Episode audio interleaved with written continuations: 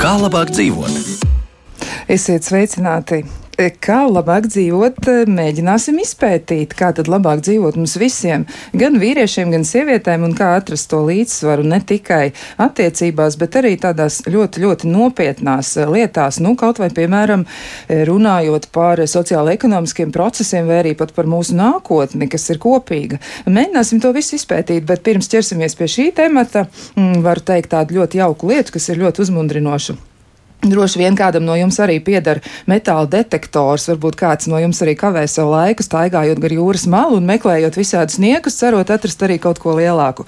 Noteikti turpiniet to darīt, ja tā ir jūsu aizraušanās, jo tas var rezultēties ar brīnišķīgu m, ieguvumu, jo izrādās, ka viens vīrs Polijā turpat savā teritorijā, kas pieder viņam un viņa ģimenei, ir atradis nu, īstu naudas podu. Nu, tātad 17. gadsimta monētu lērums, kas tagad ir nonācis muzejnieku rokās un eh, droši vien arī nu, daudz ko izstāstīs par kultūru, arī par, par attiecībām un arī par naudu kā tādu. Arī par to mēs šodien drusciņi parunāsim, bet ja nu kas, droši dodieties sev izklaidēt, tiešām var gadīties arī, ka kāds dārgums gadās arī jūsu ceļā. Bet, nu, tā tas ir. Šodien kopā ar jums Kristiāna Lapiņa, pie skaņu pults ir Iveta Zvejniece un mēs eh, turpinām. Šodien runāsim par to, ka nu, kaut vai piemēram viens no tādiem faktiem, kas ir konstatēts, ka atalgojuma plaisa Latvijā starp vīriešiem un sievietēm joprojām ir 15%. Man tas liekas diezgan biedējošs skaitlis. Ar to noteikti kaut kas ir jādara, un mēģināsim arī izpētīt, kas to izraisa, ko tad ar to varētu darīt un kādas ir aktivitātes tieši Latvijā saistībā ar šīm nevienlīdzības lietām. Un iepazīstināšu arī ar viesņām. Un viesņas studijā, un ir arī viesis, bet uh, tūlīt arī par to. Tātad studijā šobrīd ir um, Novatora līdzdibinātāji. Mēs noskaidrosim arī, kas ir organizācija Novatora. Un tātad no, Novatora līdzdibinātāja Dagnija Lējiņa. Sveicināti! Labrīt! Vēl pie mums ir arī Latvijas Bankas ekonomiste Kristāna Bērziņa. Sveicināti! Labrīt! Vēl esam aicinājuši arī sarunā piedalīties organizācijas Accenture pārstāvi Kristīnu Mežāli, kur ir mārketinga un komunikācijas vadītājs. Sveicināti! Labrīt! Un vēl šobrīd arī esam sazvanījušies ar sociālo antropologu Klāvu Sedlinieku. Sveicināti! Labrīt. Nu, lūk, varbūt sāksim mēs ar tieši klāvas edlinieku, tātad no tā sociālā antropoloģiskā viedokļa paraugoties uz šo te problēmu. Vai tā tiešām ir problēma, un varbūt ir kaut kādas idejas par to, kas to gal galā izraisa? Nu, tā noteikti ir problēma, ja kādam tas uh, izraisa kaut kādas uh, konsekvences, kuras nav īpaši labvēlīgas, un, un uh, finansiālais stāvoklis droši vien piedar pie šādām konsekvencēm, tad tā noteikti ir problēma. Un, uh, un kopumā ņemot uh, nu, dažādu veidu nevienlīdzības, uh, vienmēr sabiedrībā ir ar potenciālu uh, nu, izraisīt dažādas tālākas uh, negatīvas sekas, uh, gan cilvēku spējā sadarboties kopā, gan tādā kopējā noskaņojumā un tā tālāk un tā tālāk.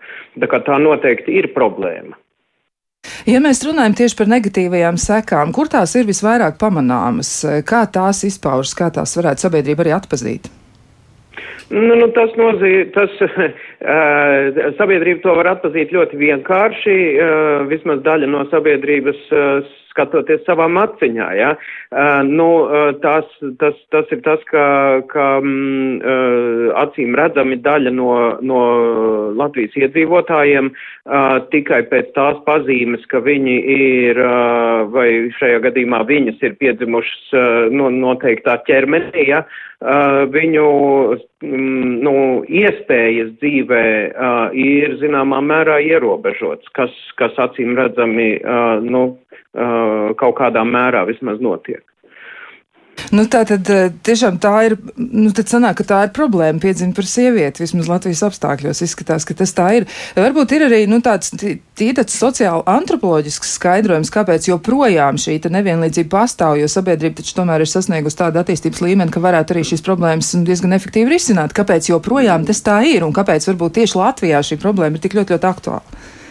Diezin vai tur būtu jārunā par attīstības līmeņiem, bet, uh, bet nu, skaidrs ir, uh, ir viens, ka Latvijā acīm redzami pastāv diezgan spēcīgi uh, vai diezgan plaši izplatīts, es nevarētu teikt, ka dominē, ja, bet, bet diezgan plaši izplatīts uzskats, ka, ka vīrieši un sievietes ir tik ļoti atšķirīgas, ka viņu spējas veikt kaut kādus uzdevumus ir radikāli atšķirīgas. Un līdz ar to arī nu, neizbēgami no tā izriet, ka, ka, ka, ka tas atspoguļojas arī, arī um, algas stā, t, līmenī. Ja? Nu, mēs varam paskatīties uz to mazliet no citas puses.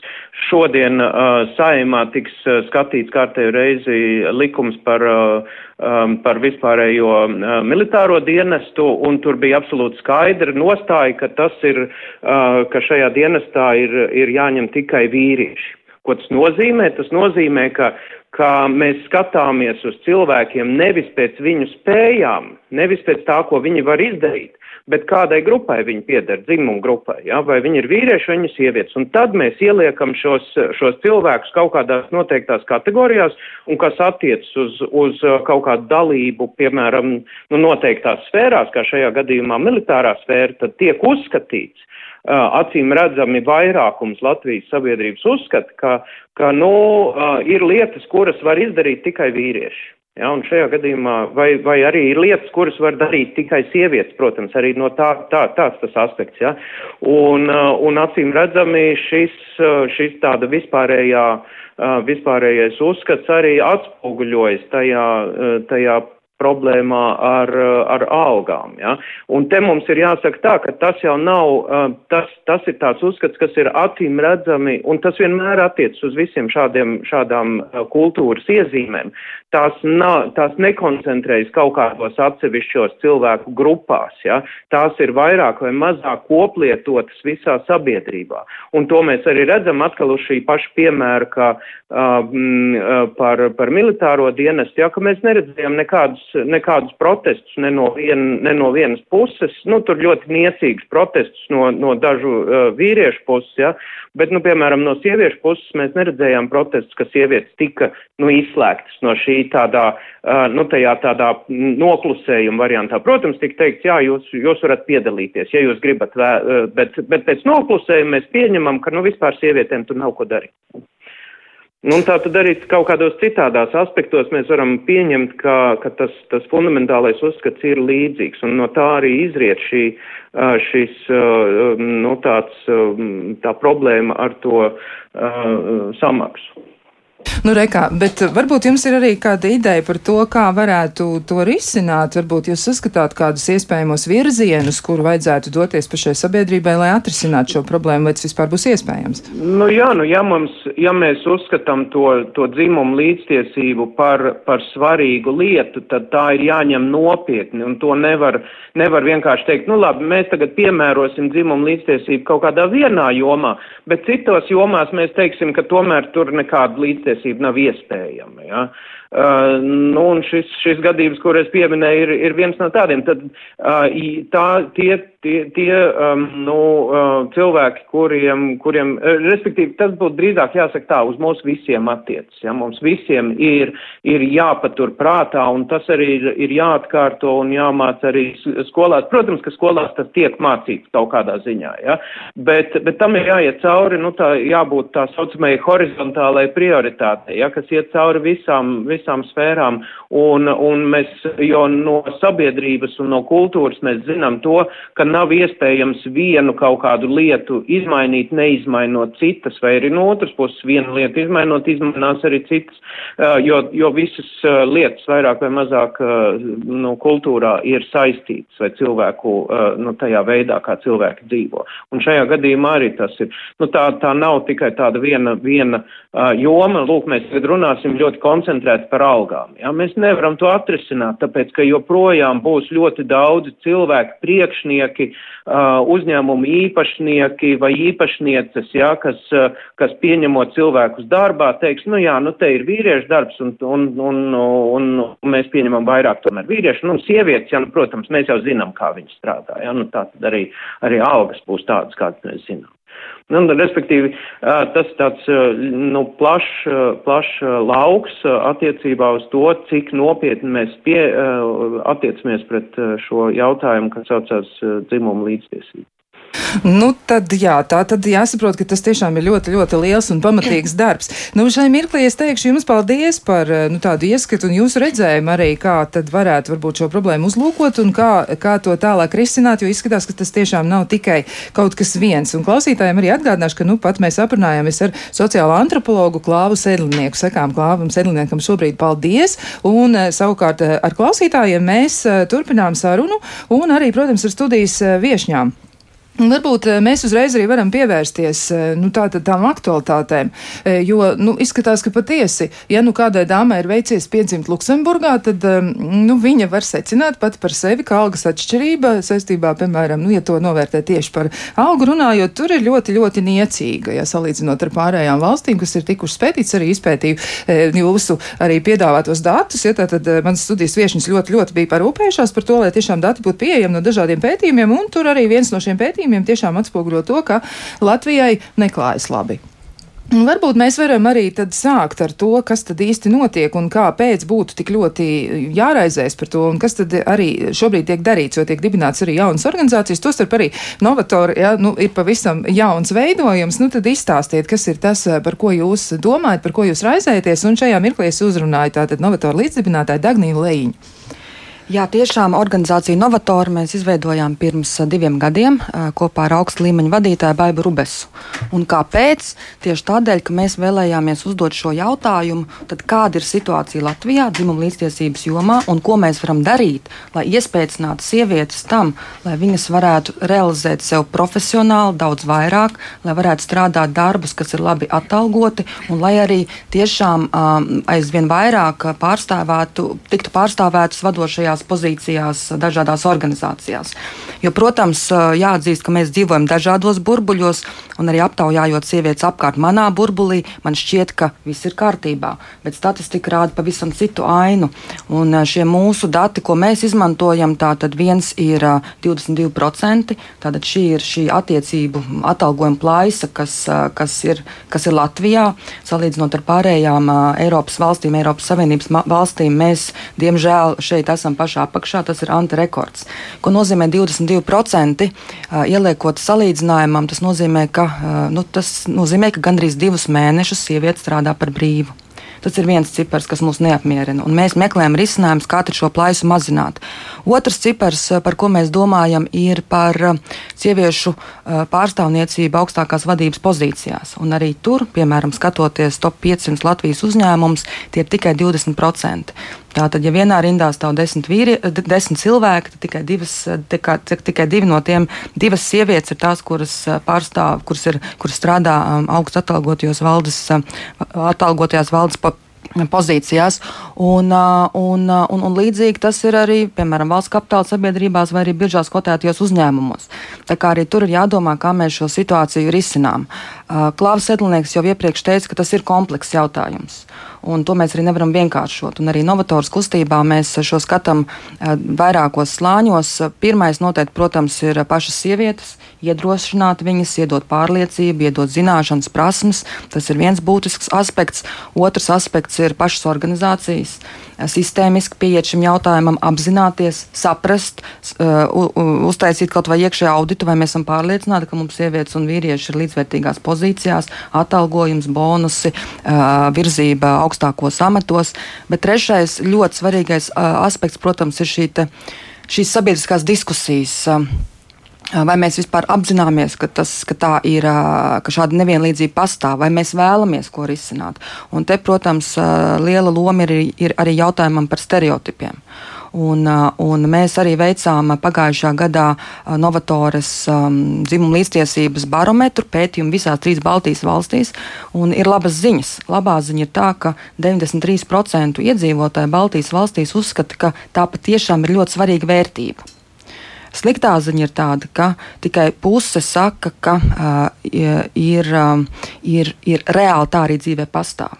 Otra puse saka, ka kaut kādos veidos ir saskārušies ar dzimumu nevienlīdzību. Un te, protams, jāsaka, ka tas attiecās gan uz sievietēm, gan arī uz vīriešiem.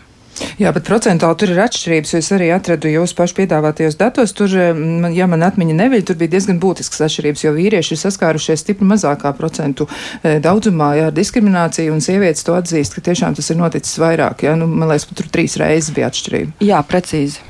Ja, tā tad diezgan nopietni. Nu, tas, ko e, saka arī klausītāji, nu, viena no klausītājiem saka tā, ka Latvijā problēma ir nevis sieviešu diskriminācija pēc dzimuma amata ieņemšanā, bet gan pēc darba samaksas. Viņa ir izcēlusies šo te, m, kur par tādu pašu darbu vīrietim maksā vairāk. Kā sieviete var teikt, ka Latvijā sievietes lielākoties ir ārstes, Skolotājs, pagastu novada amatpersonas, finanšu darbinieces, sētnieces, apkopējs, dārznieces, lopkopējs, jurists, ražošanas uzņēmumos pie konveru un tā tālāk, e, izņemot fiziski smagus darbus, kas sievietes veselībai ir kaitīgi. Godīgi sakot, es esmu redzējis dāmas arī, kuras dara, manuprāt, ļoti, ļoti nepiemērot un ļoti smagu darbu, un arī kaut vai tas pats sētnieka darbs ir cilvēks, kurš uztur vidas tīrību un kārtību. Tas ir ļoti smags darbs, un ļoti bieži mēs tur redzam tieši, e, kā ar to nodarbojas sieviete, kas, manuprāt, arī tīri nu, fizioloģiski, bioloģiski, viņa ir absolūti nepiemērota nodarbe. Mm, bet tajā pašā laikā tas tā ir. Nu, ja mēs runājam par to samaksas, eh, samaksas atšķirībām. Varbūt vēl šo te tematu var arī nedaudz paturpināt arī jūsu eh, studijas kolēģi šobrīd, ja, un tad es eh, gribētu iesaistīt arī sarunā Latvijas Bankas ekonomistu Kristu Kalnabērziņu. Nu, kā jums izskatās šīs lietas, kas ir aktualizētas, tiešām ir ļoti svarīgas. Un arī, nu, šis ir milzīgs progress, ja, jo pirms simts gadiem droši vien nu, tādā publiskā sarunā jūs nebūtu Latvijas Bankas ekonomists. Es domāju, ka tas būtu ļoti grūti, ja piepildāms sapnis, un šobrīd jūs tur esat, un viss ir kārtībā ar to. jā, uh, nu jā uh, uh, man šķiet, ka arī. Nu, Tīri cilvēcīgi man šis ir ļoti, ļoti tuvs un ļoti svarīgs jautājums, bet, bet arī ekonomiski man šķiet, ka ir ļoti daudz aspekti, ko šajā jautājumā mēs bieži aizmirstam pieminēt. Un, un dzimuma līdztiesība man šķiet Latvijā šobrīd ir ļoti, ļoti svarīgs jautājums tieši ekonomiskā perspektīvā, jo mēs esam tāda valsts, mēs esam pēdējo, laiku, pēdējo gadu laikā ļoti strauji attīstījušies, pievienojoties Eiropas Savienībai pievienoties kopējiem tirgumam, mēs esam ļoti straujus izaugsmas, ekonomiskās izaugsmas tempus piedzīvojuši, bet lielākoties tie ir bijuši pamatoti uz kaut kādiem mūsu kā, konkurētspējas faktoriem, kas ir lielākoties lēts darba spēks. Mums ir bijis lētāks darba spēks nekā citur Eiropā, tāpēc mēs esam varējuši pie, pie, piesaistīt investīcijas un mēs esam attīstījušies. Bet tā viena lieta, mēs esam nonākuši kā tuvu jau attīstīto valstu līmenim, bet ne vēl.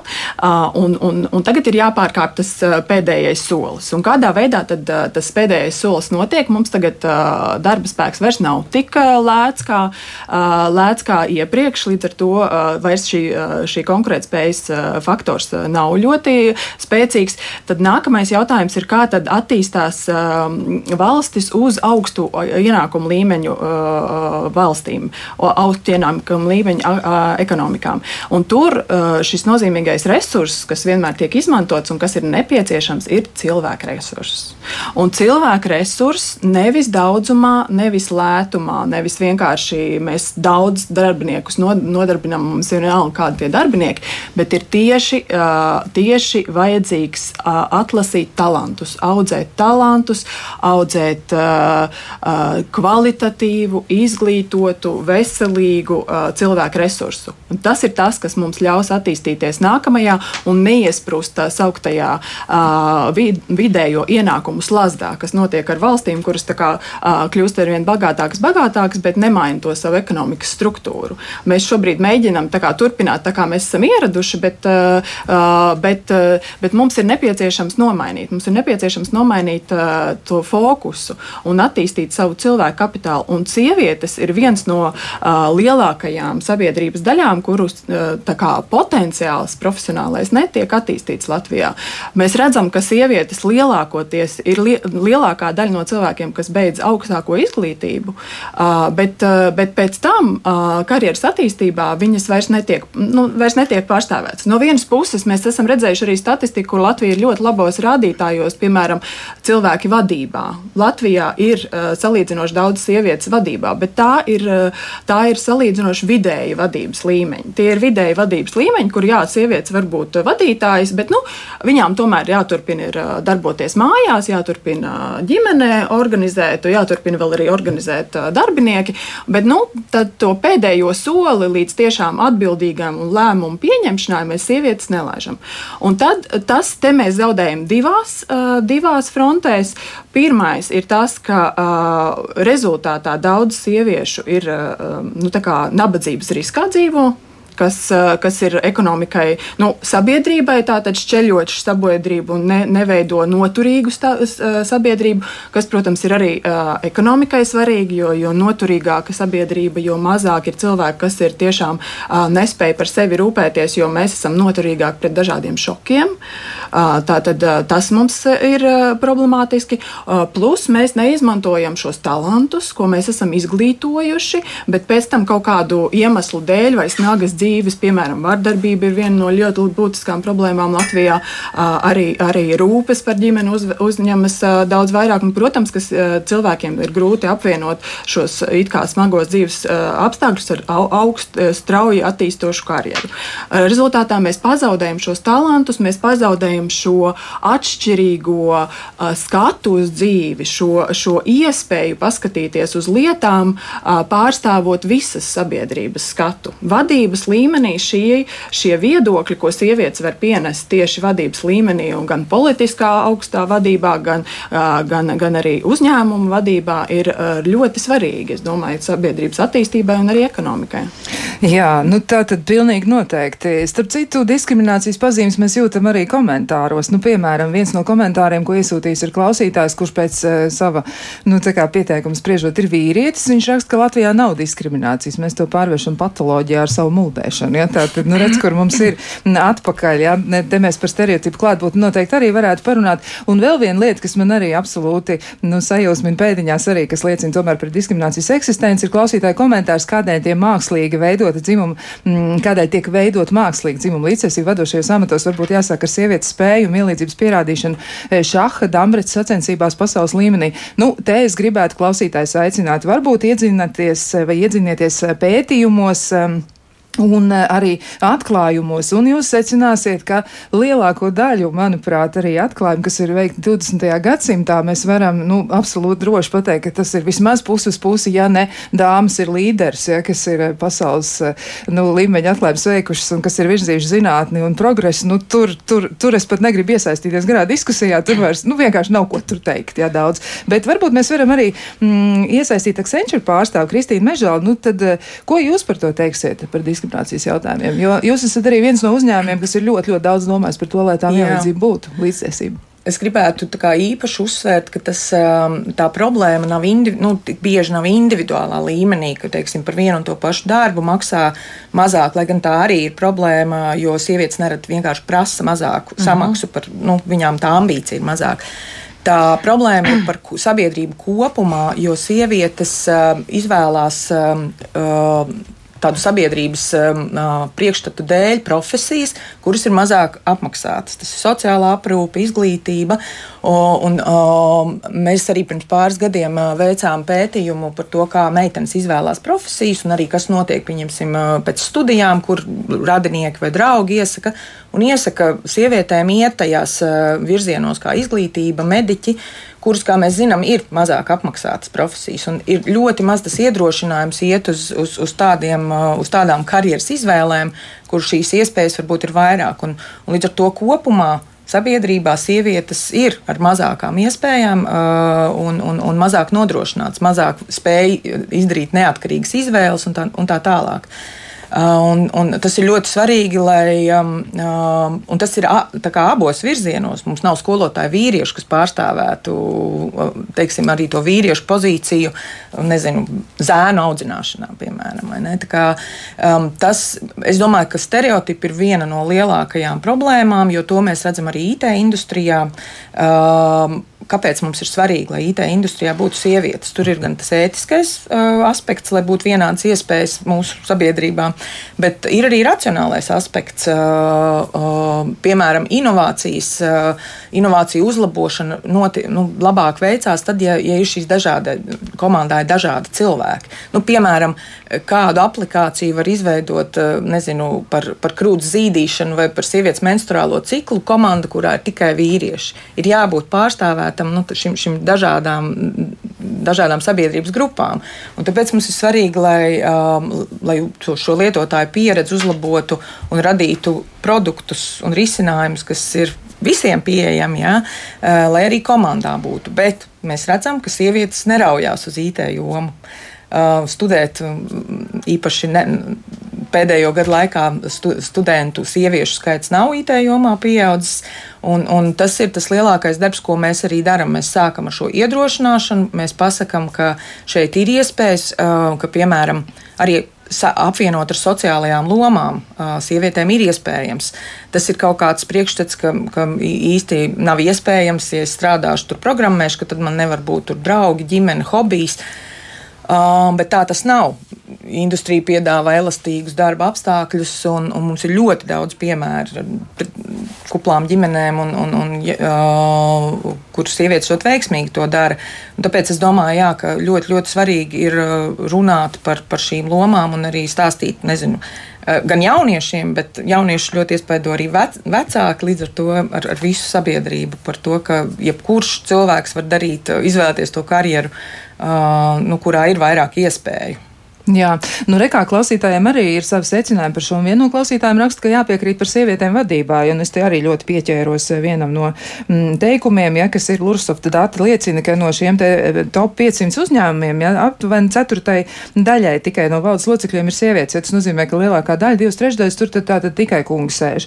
Ja, un eh, klausītājs savukārt eh, tātad raksta, ka jāpiekrīt par sievietēm vadībā. Šobrīd sievietē, lai viņi tiktu vadošā amatā, ir jābūt supersievietei, un to arī daudz spēja, un tam ir nepieciešams tas mežonīgs enerģijas līmenis, e, kas katram cilvēkam nepiemīt. Ja sieviete ir vienlīdz laba ar vīrieti, tātad salīdzinot, Un tomēr pastāv lielāka iespēja, ka tomēr izvirzīsies vīrietis. Tomēr tas mainās uz labo pusi. Diemžēl tam līdzi nāk negatīvā puse - demogrāfiskā bedre, ko mēs nevaram noliegt, jo vīriešu pasauli ilgstoši bija izolējusies no bērnu audzināšanas.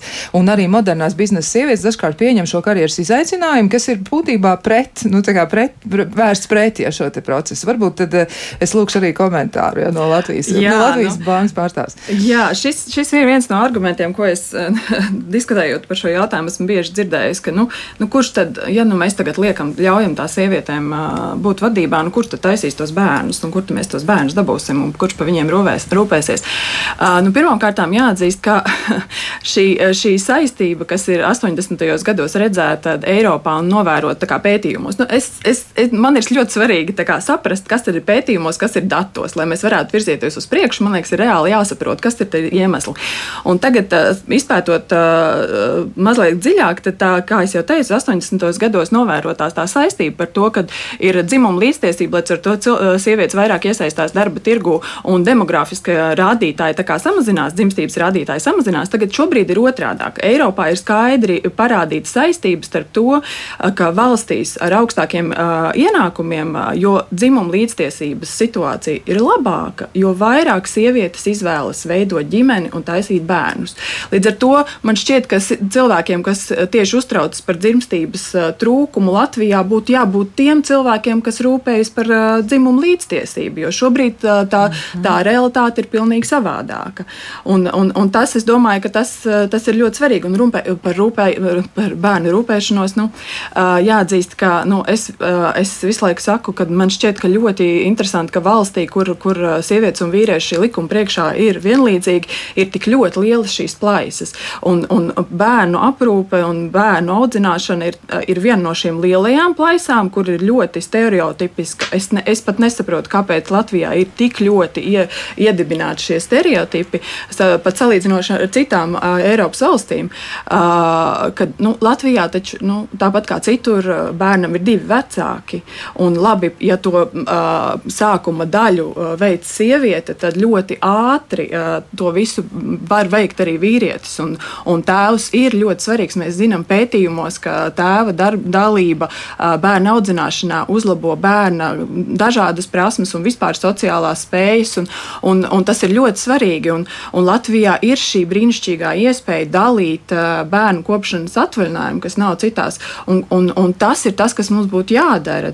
Mums, protams, ir svarīgi rūpēties par bērniem, bet ir daudz svarīgāk bērnam dabūt divus vecākus, kur ir emocionāli klātesoši, nevis dabūt vienu, vienu māti, kura ir uh, apstādinājusi savu karjeru, apstādinājusi savu profesionālo izaugsmi, un pēc tam īsti nesaprot, kā tikt ar to galā. Jā. Un, jā, un, un, un, jā. Tieši tā, ļoti, ļoti vērtīgs komentārs. Bet šis ir mirklis, kad mēs varam nedaudz atvilkt telpu, un tad jau turpināsim sarunu pēc īsa brīža.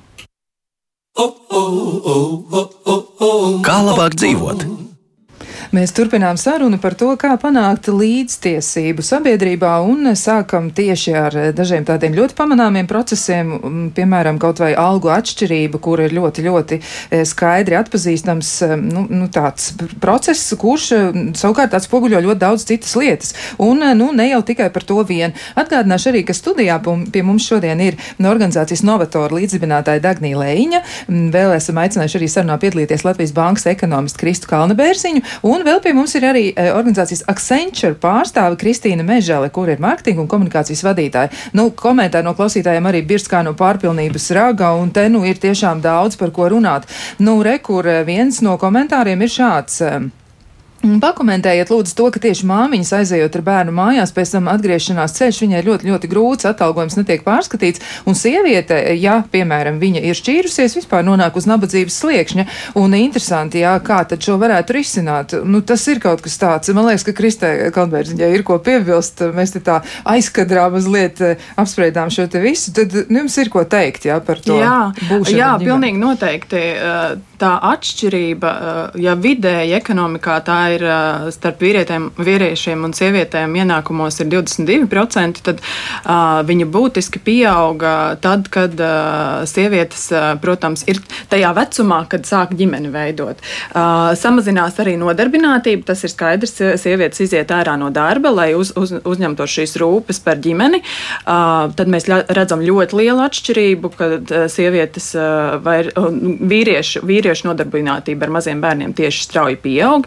Sieviešu nodarbinātība samazinās, bet dzīves laikā, dzīves laikā šī, šī nodarbinātības atšķirība īstenībā izlīdzinās.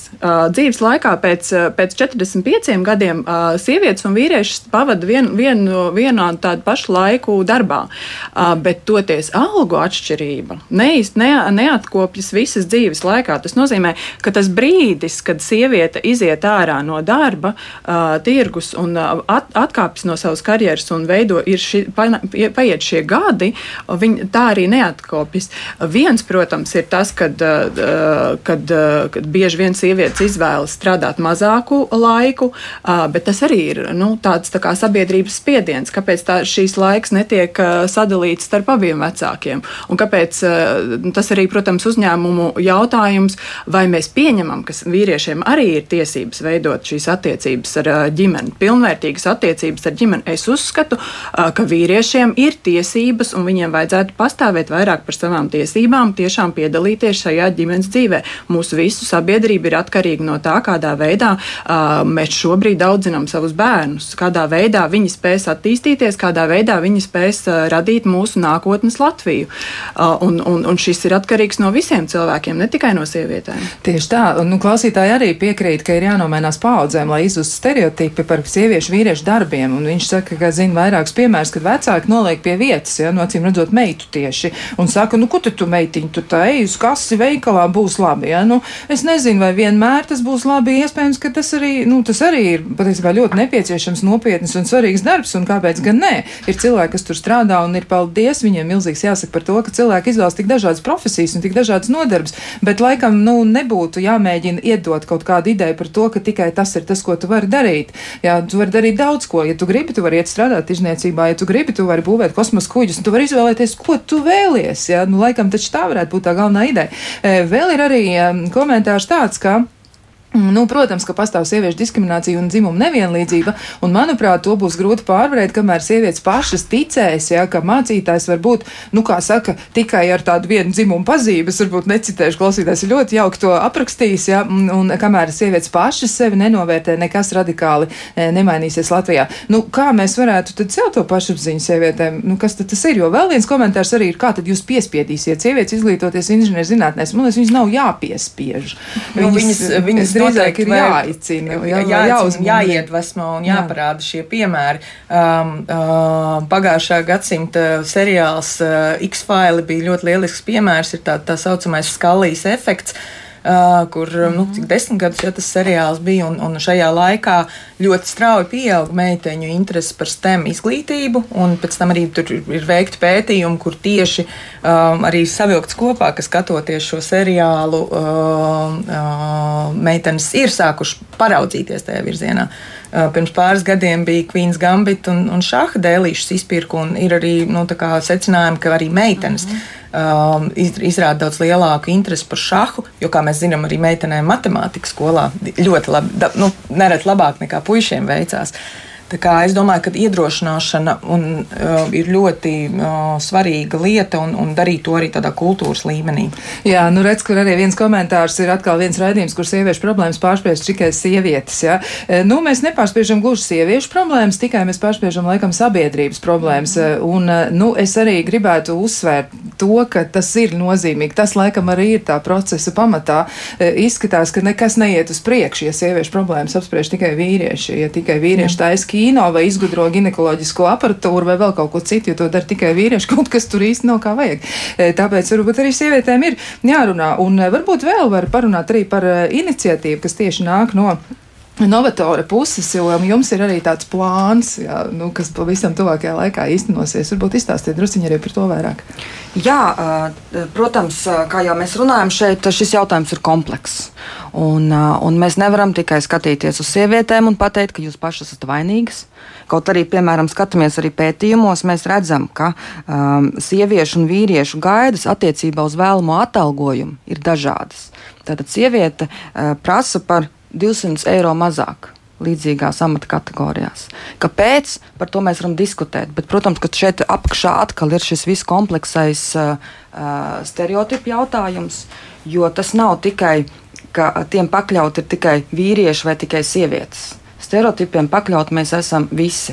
Un tas spiediens uz izvēlēm pēc tam uh, nu, attiecās gan uz vīriešiem, gan uz sievietēm, bet šeit vairāk par sievietēm. Un tiešām tikai daži atsaucoties 40% iedzīvotāji Latvijā uzskata, ka sievietes galvenai, galvenais pienākums ir rūpēties par ģimeni un par mājām. Tātad, cik vienkārši sievietei pēc šī nu, nosauks, un kāpēc tas vispār saucās bērnu kopšanas atvaļinājums? Padomājiet. Uh, Man liekas, ka arī šis vārds ir jāmaina, jo tas nevar būt atvaļinājums. Tas nav atvaļinājums, tas principā ir neapmaksātais darbs. Tātad gandrīz puse uzskata, ka sievietes loma ir ģimenē un mājās.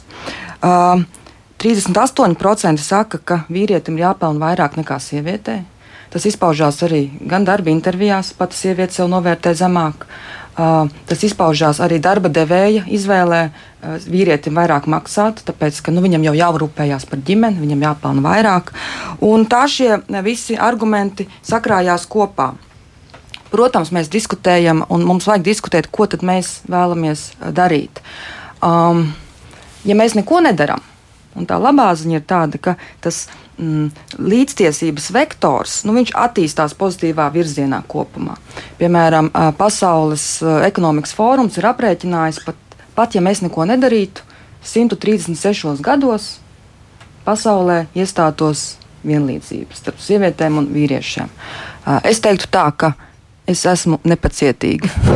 un es ceru, ka ir nepacietīgas arī sievietes, nepacietīgi arī vīrieši. Jo tiešām no tādas ekonomiskās uh, iespēcināšanas, uh, ja sieviete strādā labāk atalgotos amatos, profesijās, realizē savu profesionālo potenciālu, nu tiešām ieguvēji ir pilnīgi visi.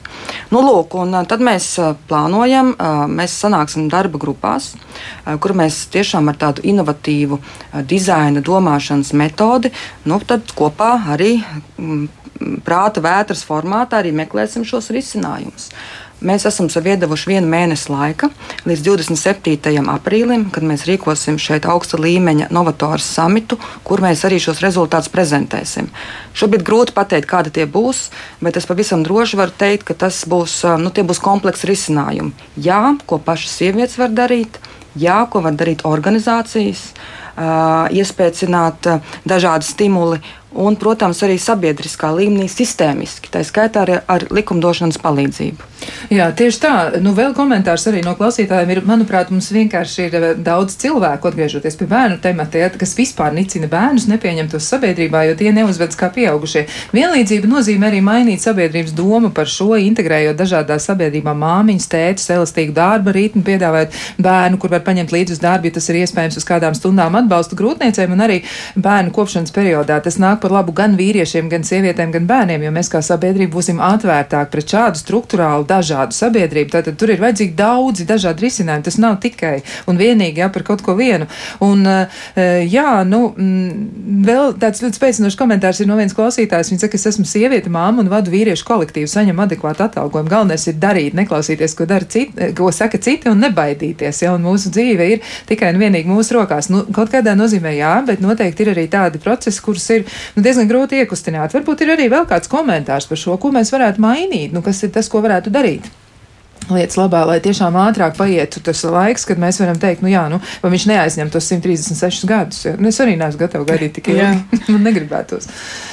Nu, tie virzieni ir ļoti daudz. Būtu jāmaina varbūt tās tiksim, attiecības ģimenē, ko, kā, kādi ir mājas darbi un, un attieksme pret ģimenes lietām, būtu jāmaina attieksme pret karjeras izvēlēm, būtu jāmaina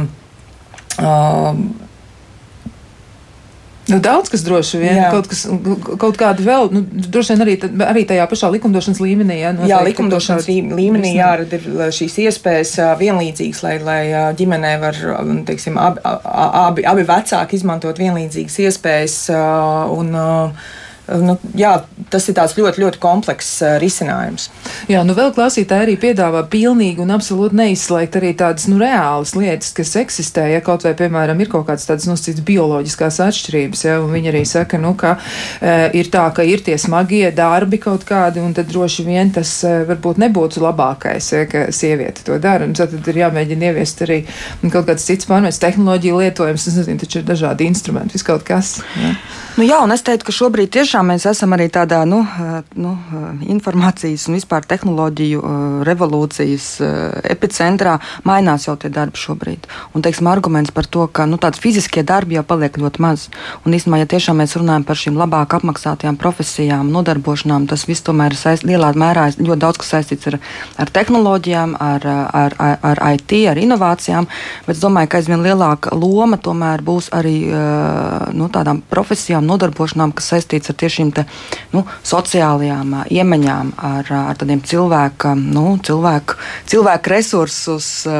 Nu, tādiem cilvēku resursu, augstu līmeņa cilvēku resursu kompetences prasošām arī profesijām. Un es domāju, ka izglītības, veselības aprūpes, kopējas tādas sabiedrības labbūtības nodrošināšanas profesijas, es domāju, ka tās kļūs vēl pieprasītākas un vēl prestižākas. Tā kā es ceru, ka drīzumā mēs tiešām skatīsim, piemēram, izglītību un medicīnu nevis kā tādu izdevuma pozīciju, bet īstenībā kā tādu ieņēmumu, ilgtermiņa investīcijas pozīciju.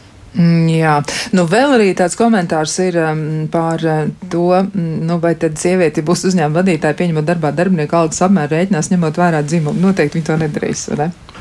Nu, nevar zināt. Es domāju, ka no stereotipiem cieš gan vīrieši, gan sievietes. Un, un, un, un bieži vien nu, labi, mēs sakām, ka sievietes strādā tajās zemāk apmaksātajās nozarēs, bet īstenībā, ja mēs paskatāmies nu, pētījumus un, un vēsturisko pieredzi, tad mēs redzam, ka nozares, kurās ir sievietes, kā, samazina vidējo algu. Mēs redzam, ka nozarēs ienākumi samazinās, tāpēc, ka palielinās sieviešu daudzums. Un šeit atkal ir šie, šie stereotipi par to, ka mēs visi uzskatām, ka vīriešiem taču vajag lielāku, lielākus ienākumus. Vēl joprojām mēs redzam uh, situācijas, kad runā un kad ah, tevai partnerei vai sievai ir lielāka alga, nu, nabadzīgs vai ne kaut kāda. Nu, tad, ja te jau tu esi traumēt, traumēts, un, un tas jau joprojām ir ļoti, ļoti aktīvs tāds stereotips. Un, un, un es domāju, ka ne tikai mums ir nepieciešams nepieciešami vīrieši skolotāji un ne tikai zēnu izglītībai. Es domāju, ka vispār jebkuram cilvēkam ir,